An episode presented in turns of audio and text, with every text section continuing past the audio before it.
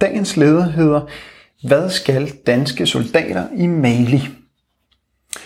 På torsdag beslutter et næsten enigt folketing at sende både soldater, helikoptere og et Hercules transportfly til Mali, som bidrag til både FN-operationen MINUSMA og en fransk ledet militær aktion.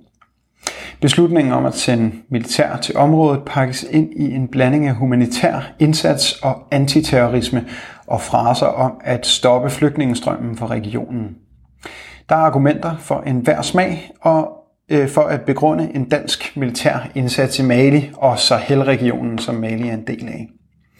Enhedslisten støtter FN-operationen, men stemmer imod bidraget til at støtte den fransk ledte styrke.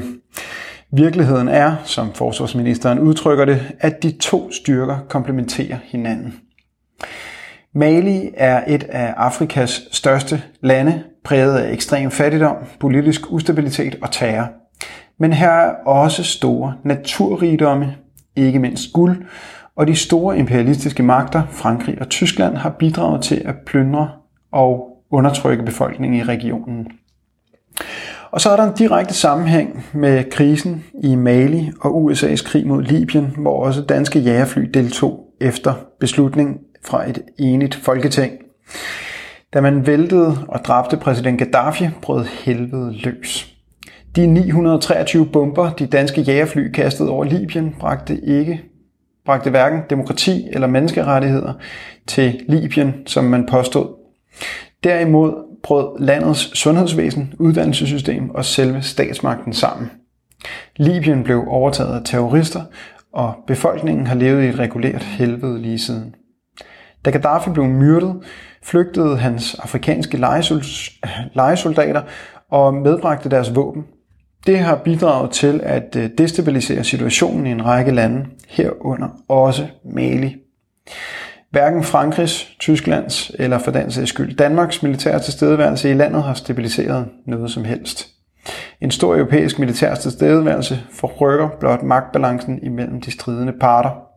Men den ekstreme fattigdom og manglen på menneskerettigheder er fortsat en daglig realitet for befolkningen, som i stigende omfang demonstrerer imod både præsidenten og de udenlandske soldaters overlange tilstedeværelse i landet. Flere danske partier begrunder deres støtte til at sende soldater til området med, at man vil stoppe flygtningestrømmen. De glemmer, at vestmagternes krige og udplyndring af Mellemøsten og Afrika er den væsentligste årsag til, at der i dag er flere flygtninge end på noget tidligere tidspunkt efter 2. verdenskrig.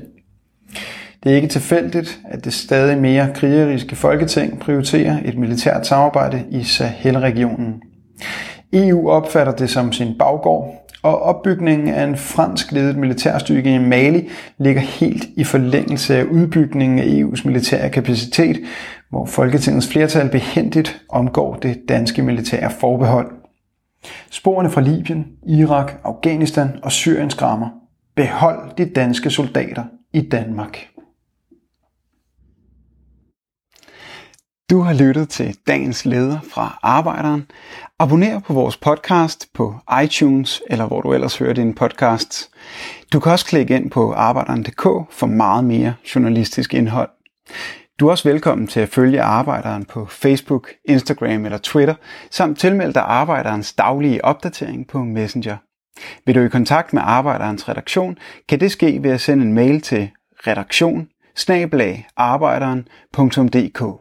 Tak fordi du lyttede med.